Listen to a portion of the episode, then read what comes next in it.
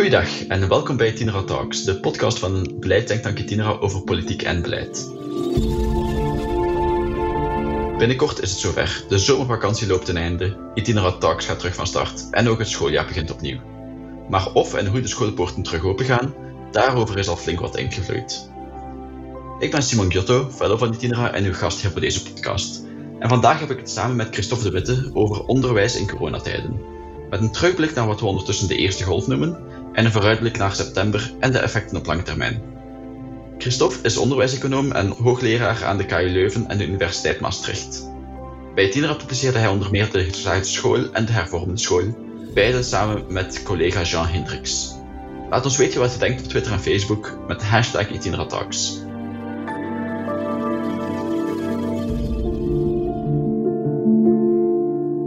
Dag Christophe. De scholen werden op 16 maart gesloten. Had jij dat zien aankomen?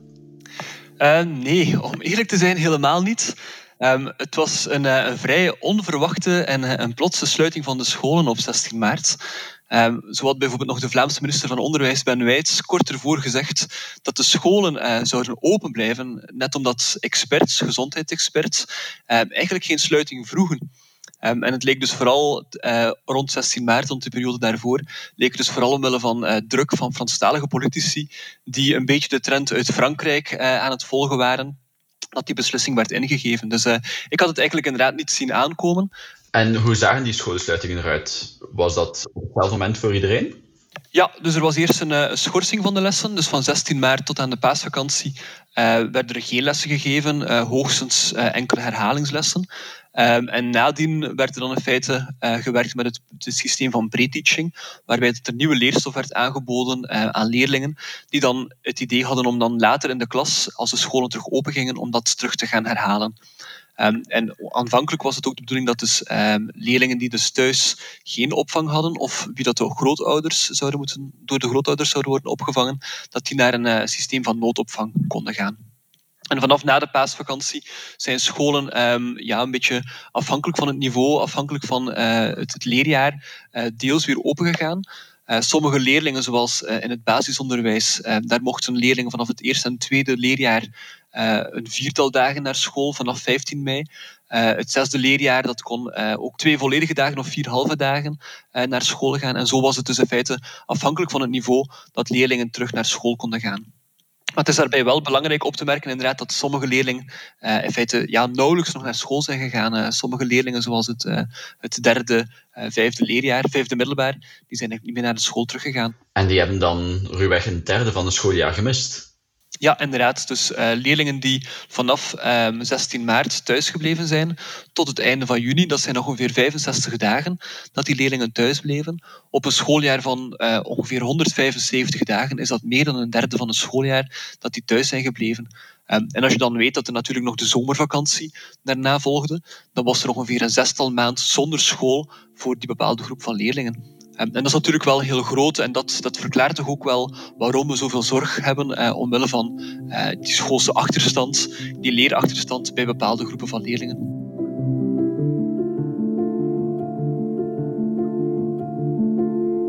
In welke mate hebben we nu al zicht op de leerachterstanden van de leerlingen als geheel of van bepaalde kansgroepen in het bijzonder? Ja, dat is een moeilijke om, te, uh, om meer te geven. Net omdat uh, we zijn eigenlijk met een hele groep experts telkens bezig om uh, te proberen vaststellen hoe groot dat die leerachterstanden zijn.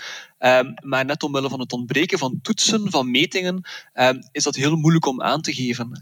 in het algemeen proberen we te kijken naar ander soort onderzoek over schoolsluitingen. Bijvoorbeeld schoolonderbrekingen uh, door bijvoorbeeld sneeuwval, verlies van instructietijd, um, door bijvoorbeeld uh, het leerverlies in de zomer, het summer loss, uh, door bijvoorbeeld leraarstakingen, natuurrampen of hervormingen. Um, en dat geeft ons een klein beetje een indicatie uh, over hoe groot het effect nu zou kunnen zijn op die leerachterstand. En als je die onderzoeken rond die leerverliezen, rond die lerarenstakingen, hervormingen en dergelijke meer bekijkt, ja, dan, dan moeten we echt wel een heel negatief beeld um, voorop stellen. nu, een recente studie bijvoorbeeld van de Wereldbank die geeft aan dat, ehm, ja, dat het verlies van instructie dat dat zou kunnen leiden tot toekomstige inkomstenverliezen, uh, tot bijna 15% van het bruto binnenlands product. Um, dus dat zijn dus echt wel grote effecten. En ook allerlei andere onderzoeken die nu gepubliceerd worden, die in feite dat, dat effect proberen te extrapoleren, um, dat geeft allemaal aan dat er heel significante leerverschillen kunnen zijn uh, en leerverliezen kunnen zijn door, door de COVID-crisis. Maar er zijn wel heel veel verschillen tussen scholen uh, die we kunnen vaststellen. Uh, net omdat de ene school heel sterk heeft ingezet op die uh, pre-teaching, andere scholen veel minder. andere scholen hebben bijvoorbeeld gekozen om het curriculum zoveel mogelijk verder te zetten via pre-teaching, andere hebben bepaalde keuzes gemaakt. dus die verschillen tussen scholen die zullen wel vrij groot worden. En zijn er bepaalde bevolkingsgroepen die meer of minder geïmpacteerd zijn geweest door deze coronacrisis? Specifiek voor het onderwijs dan? Ja, dus je verwacht in feite op basis opnieuw van internationale literatuur dat um, groepen die, um, die minder bereikt zijn, uh, leerlingen uit bijvoorbeeld meer kansarme milieus, um, die leerlingen die, waarvan de ouders heel angstig waren bij het sluiten van de scholen, die dus in feite zo weinig mogelijk uh, daar gedaan hebben. Ook leerlingen die geen uh, rustige werkplek hebben. Um, leerlingen die niet over een pc beschikten om bijvoorbeeld dat pre-teachen te kunnen uh, volgen, dat zij het meest gekwetst zijn, dat zij dus het meest leerachterstand oplopen. Dus die groepen, daar vrezen we natuurlijk dat daar de leeropbrengsten het, het, het meest gedaald zijn voor die groep van leerlingen.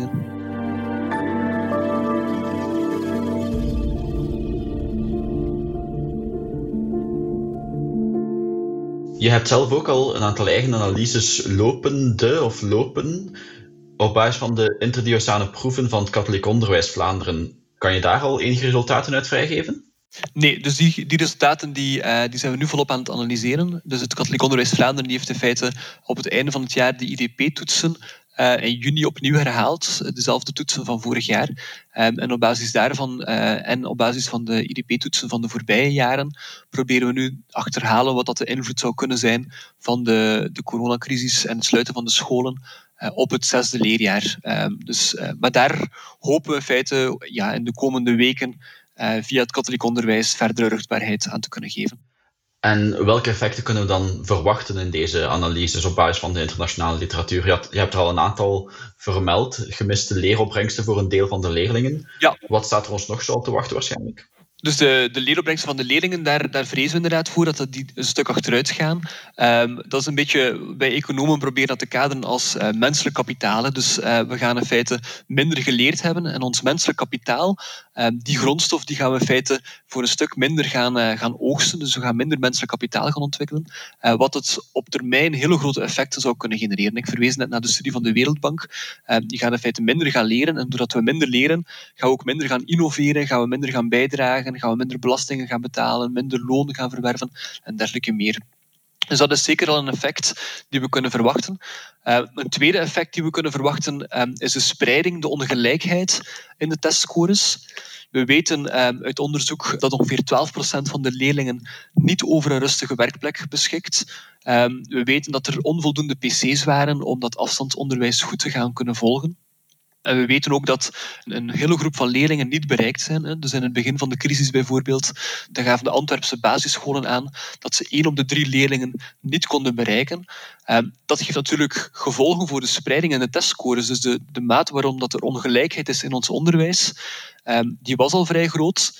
En we vrezen dus omwille van die redenen van werkplek, pc's, eh, het niet bereiken van leerlingen, dat we dus nog veel grotere ongelijkheid gaan krijgen in die testscores en dat heeft natuurlijk ook op zich zijn gevolgen op lange termijn. En dat zal ertoe leiden dat, eh, naarmate dat die testscores ongelijkerd zijn, eh, dat er bepaalde groepen misschien meer gaan afhaken, eh, minder gaan verdienen en dergelijke meer.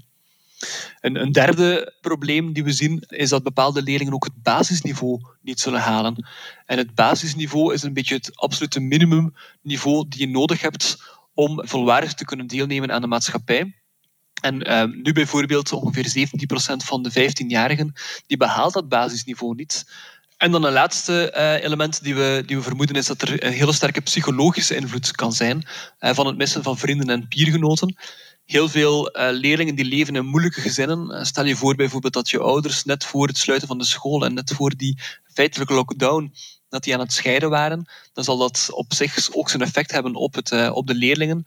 Um, en de school die typisch fungeert als een soort van veilige haven voor leerlingen, ja, die viel op een bepaald moment weg. Dus uh, het schoolse is meer dan dat uh, leren van wiskunde, van taal en, en, wetenschappen. Er worden ook allerlei sociale vaardigheden geleerd, vrienden. Dat zijn ook allemaal facetten die dus echt sterk aan bod kunnen komen aan school. En, ehm, en ook daar vermoeden dus psychologische effecten.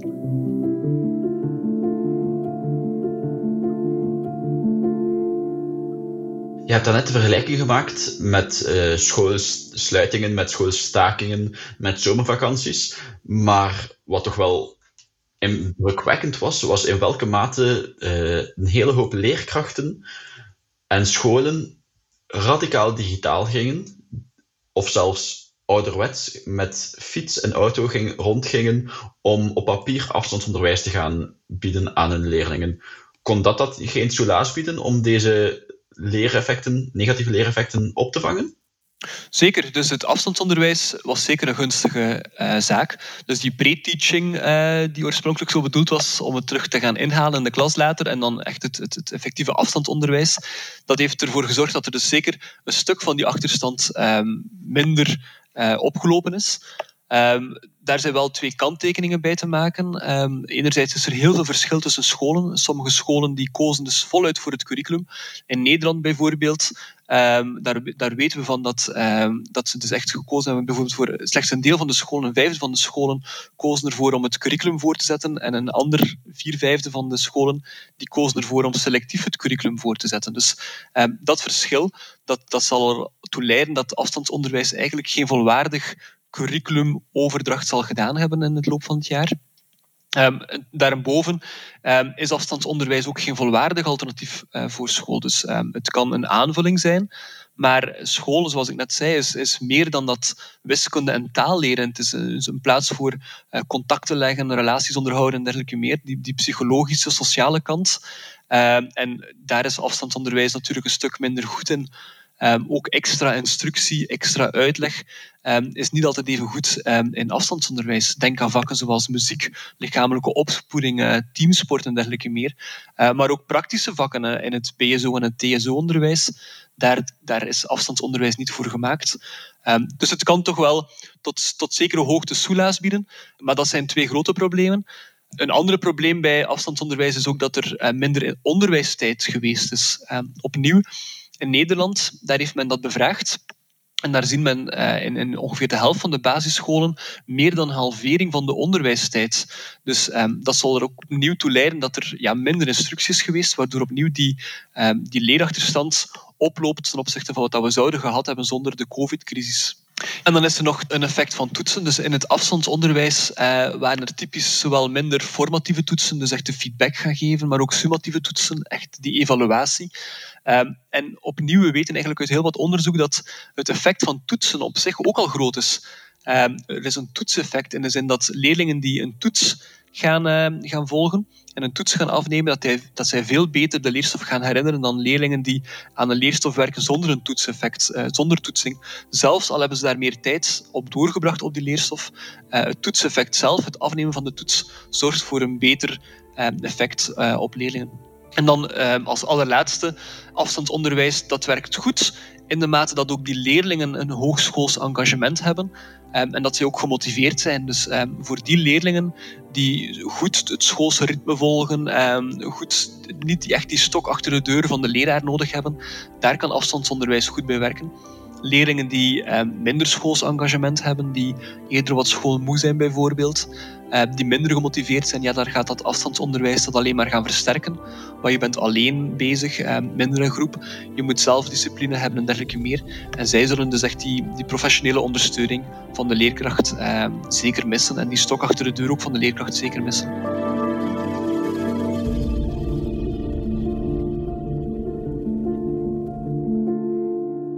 Wat de evaluaties betreft viel het op dat er dit jaar opvallend minder C-attesten zijn uitgekeerd.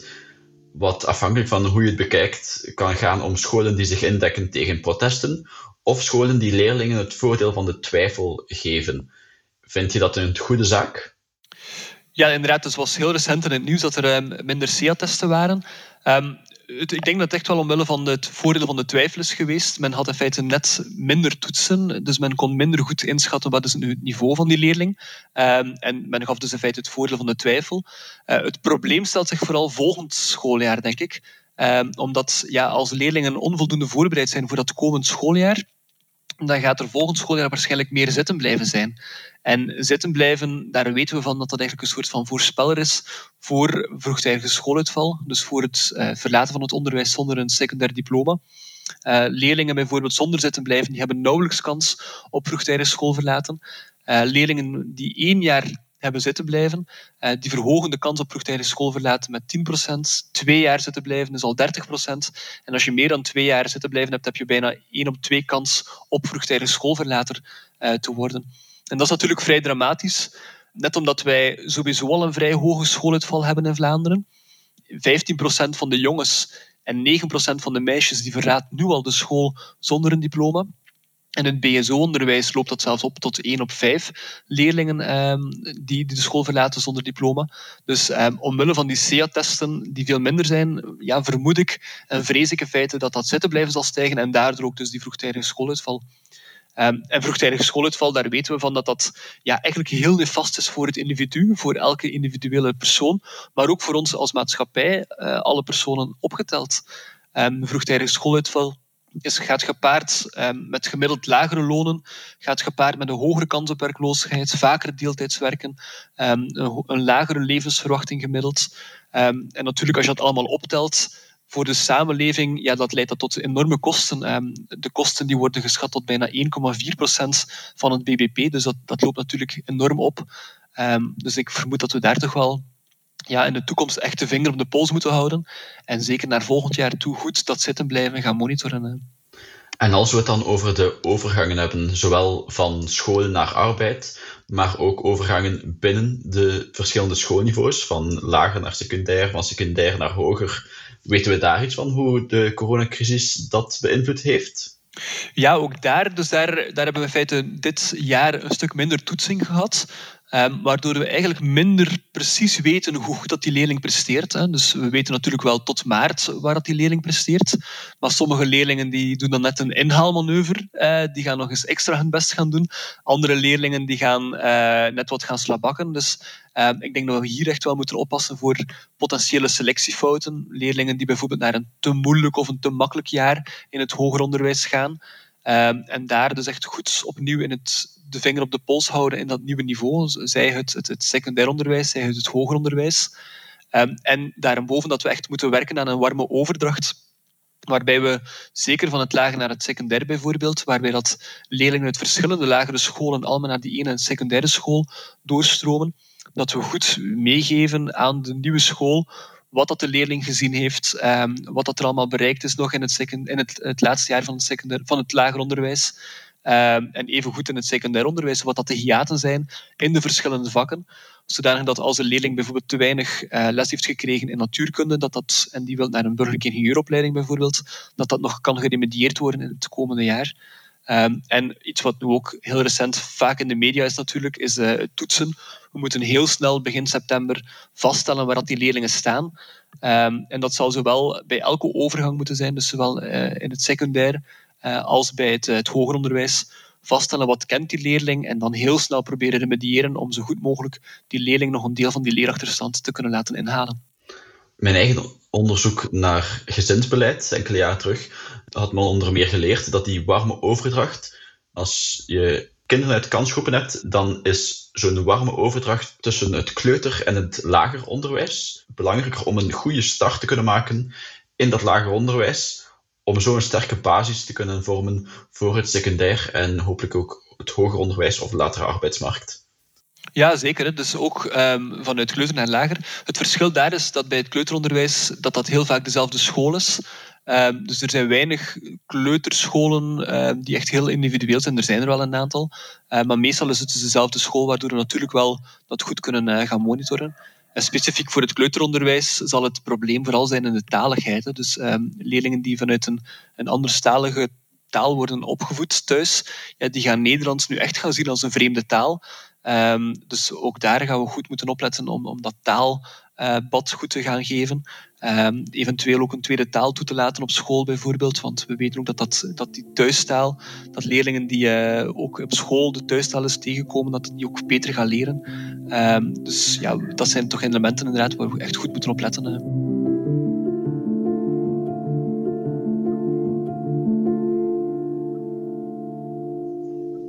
De scholen die gaan dan binnenkort terug open.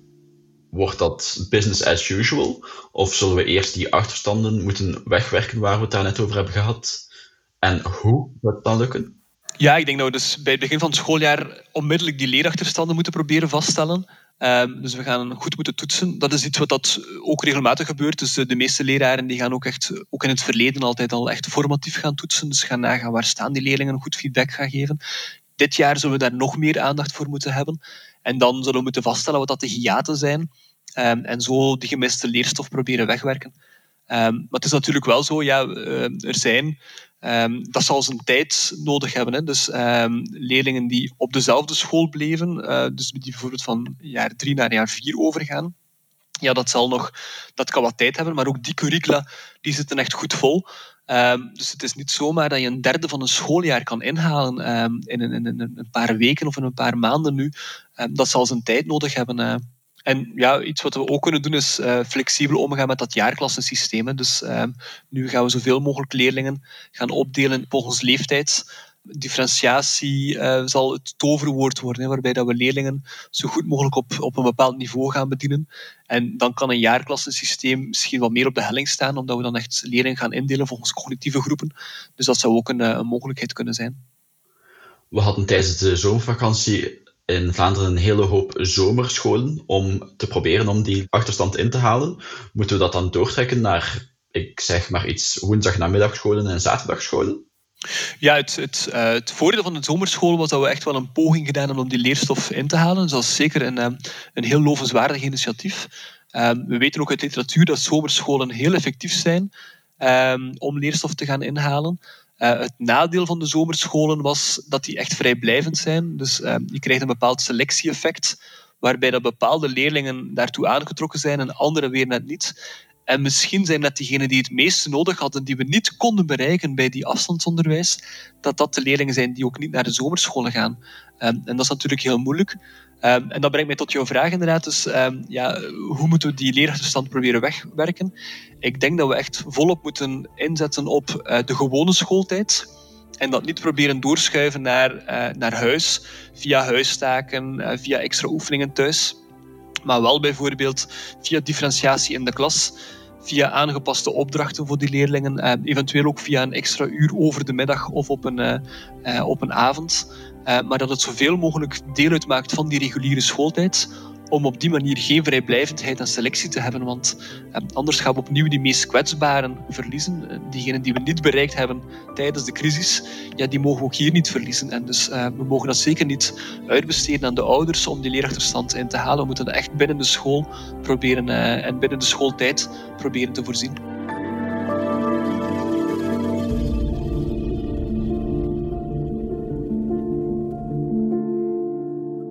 Als we dan eens kijken op de langere termijn, vrees jij voor zogenaamde coronacohortes, afstuderenden die niet konden solliciteren en het moeilijk hebben op de arbeidsmarkt? De overgangen tussen de verschillende niveaus met minder informatie, moeilijkere inloop, de lange termijn effecten van schoolsluitingen? Ja, ik vrees dat we sowieso een effect zullen zien. Um, het is natuurlijk altijd moeilijk om dat echt te gaan vaststellen, omdat er geen echte, wat dat we heten, een counterfactual is. Hè. Dus we weten niet hoe dat het zou geweest zijn mocht er geen COVID-crisis zijn geweest. Ehm, maar het is waarschijnlijk dat door die leerachterstanden, um, doordat leren echt als een soort van cumulatief proces is, dus zeker op die jonge leeftijd, um, als die automatismen in het eerste, tweede leerjaar daar niet goed in zitten bijvoorbeeld, ja, dan ga je dat lezen niet zo goed hebben, dan gaan die maaltafels niet goed gaan, dan gaat dat Frans niet zo goed gaan en dergelijke meer. Dus die automatismen die zijn afgeremd, waardoor dat eigenlijk ook alles een beetje vertraagt en we eigenlijk op een, op een lager leerpad terechtkomen of op een lager groeipad als we dat zien vanuit de economie. Ehm, dus naarmate die leerachterstanden groter worden, ja, dan gaan we eigenlijk een lager groeipad hebben dan wat we normaal zouden gehad hebben. En dat zorgt ervoor dat er toch wel ja, echt een effect kan zijn op hele lange termijn van die corona, van die covid-crisis. Eh, net omdat we eigenlijk echt gemiste leeropkansen hebben, minder innovaties, minder uh, groei, uh, minder inkomen, minder bijdragen aan de maatschappij en dergelijke meer. Dus dat cumulatieve is daar zeker van belang. En ook voor de, de mensen die nu naar de arbeidsmarkt gaan, door de, door de strenge recessie, dus min 12% van het BBP nu, um, dat gaat ertoe leiden dat er veel meer werkloosheid is. En uh, we weten eigenlijk uit de literatuur dat er dan een soort van littekeneffect bestaat. Dus er, er staat op jouw cv een soort van hiaat, een soort van uh, tekort van kijk, je hebt dan lange tijd zonder werk geweest bijvoorbeeld. Um, en ja, dat zorgt ertoe dat het opnieuw op lange termijn een effect kan zijn van die covid-crisis nu voor de mensen die naar de arbeidsmarkt gaan. Maar evengoed de mensen die vroegtijdig schoolverlater geworden zijn, um, zij zullen opnieuw, als zij niet via allerlei uh, tweede kanssystemen het diploma gaan behalen, ja, dan zullen zij op lange termijn opnieuw uh, effecten hebben uh, van het, het, ontberen van een diploma. Dus op inkomen en dergelijke meer, op de, de, elementen die ik net geschetst heb. Dus echt een coronacohorte is moeilijk om te zeggen, maar dat er lange termijn impacten zullen zijn in welvaartverlies, uh, in leereffecten, uh, dat, dat is bijna zeker inderdaad. Uh, en dat zal heel lang meespelen. Een, een, mensenleven lang zal dat meespelen. Christophe, ik moet zeggen, dat komt een beetje toe. Als een koude douche heb je ook enige lichtpuntjes van de coronacrisis die ons kan meegeven? Uh, ja, de coronacrisis heeft zeker ook iets uh, positiefs gebracht. Um, namelijk, uh, ja, dankzij de coronacrisis dan moesten plots alle leraren de toeters en bellen van Smart School leren kennen. Moesten ze plots alle toeters en bellen van het afstandsonderwijs leren kennen. Um, en je zag het zowel in bedrijven, maar dus ook in het onderwijs. Um, de zaken die dus voordien niet zo evident waren. Het lesgeven via een pc, het adaptief werken, waarbij we dus op verschillende niveaus gaan werken voor verschillende leerlingen was iets wat dat is eigenlijk wat moeilijk ingang vond bij het brede publiek van leraren. Dankzij de coronacrisis dan moest iedereen wel mee in die, uh, moest iedereen de sprong gaan wagen.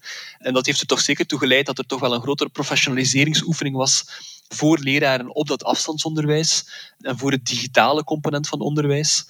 Dus dat zal zeker wel een, uh, een effect hebben, ook op langere termijn, waarbij dat die ICT-tools ja, hopelijk toch niet meer weg te denken zijn uit het onderwijs. Waarbij men toch wel de voordelen kan zien van het werken met ICT. Om bijvoorbeeld goed te gaan differentiëren. Om bijvoorbeeld goed dat adaptieve, dus het werken op niveau, eh, te gaan weergeven. Om goed feedback te gaan geven en dergelijke meer. Dus dat zijn toch een aantal elementen die, uh, die hopelijk ook positief uh, te wijten zijn aan de coronacrisis. Bedankt, dat is een stuk een mooier noot om op te eindigen. Bedankt ook aan onze luisteraars om er weer bij te zijn. Ik was Simon Giotto en samen met Christophe de Witte hadden we het vandaag over de impact van de coronacrisis op ons onderwijs. Abonneer je op de podcast en blijf op de hoogte van politiek, beleid en itinera. Laat ons weten wat je denkt met hashtag Itineratax.